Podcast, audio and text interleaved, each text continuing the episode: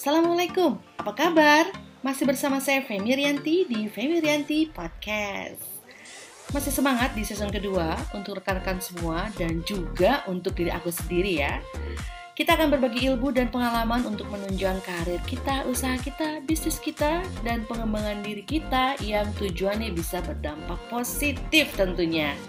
Seperti biasa buat kamu yang katanya super sibuk, ya, aku sudah membuat sedikit ringkasan supaya kamu bisa tetap ambil manfaatnya.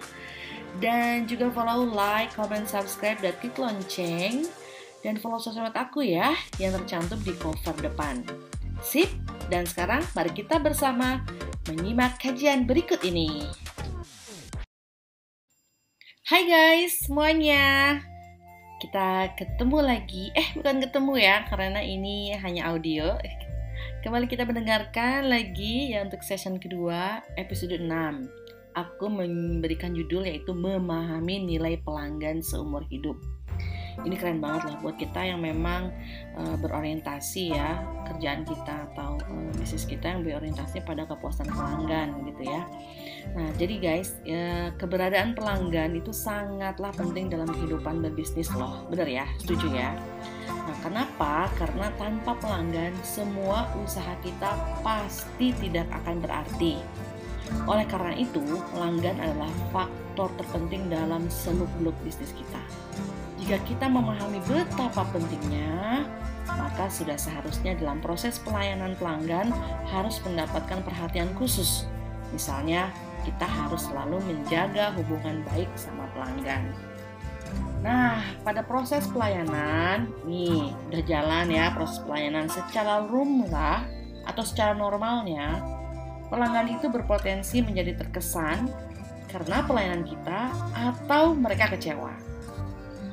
Contohnya, kekecewaan pelanggan di mana dia merasa direndahkan atau tidak dihargai. Seperti apa sih konkretnya? Misalnya, barang baru tidak diantar tepat waktu sesuai yang dijanjikan.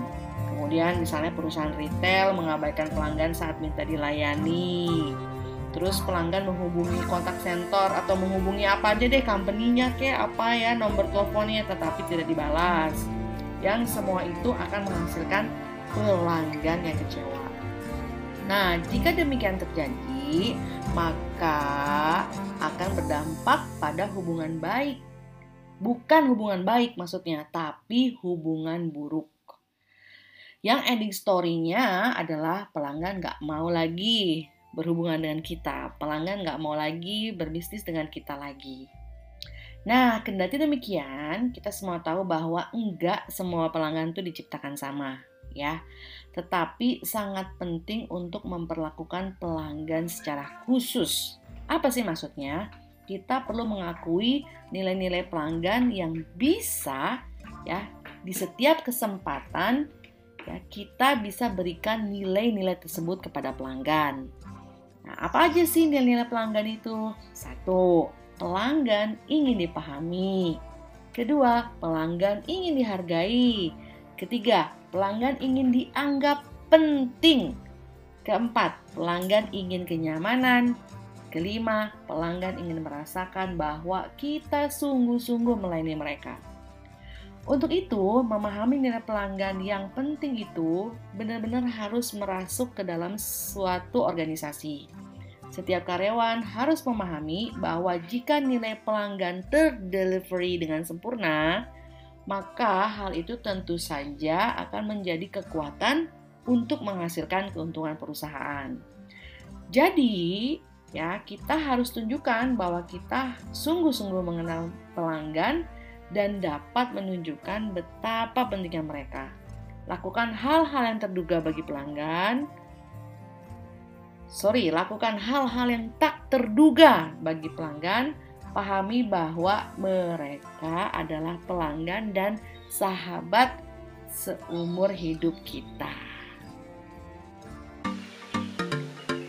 Oke, ini ringkasannya. Berikan pelayanan yang hebat dengan menunjukkan kesungguhan dalam melayani, pahami nilai-nilai pelanggan seumur hidup. Pelanggan itu selalu ingin dipahami, ingin dihargai, ingin dianggap penting, dan ingin selalu merasa nyaman. Terima kasih telah mendengarkan, semoga bermanfaat.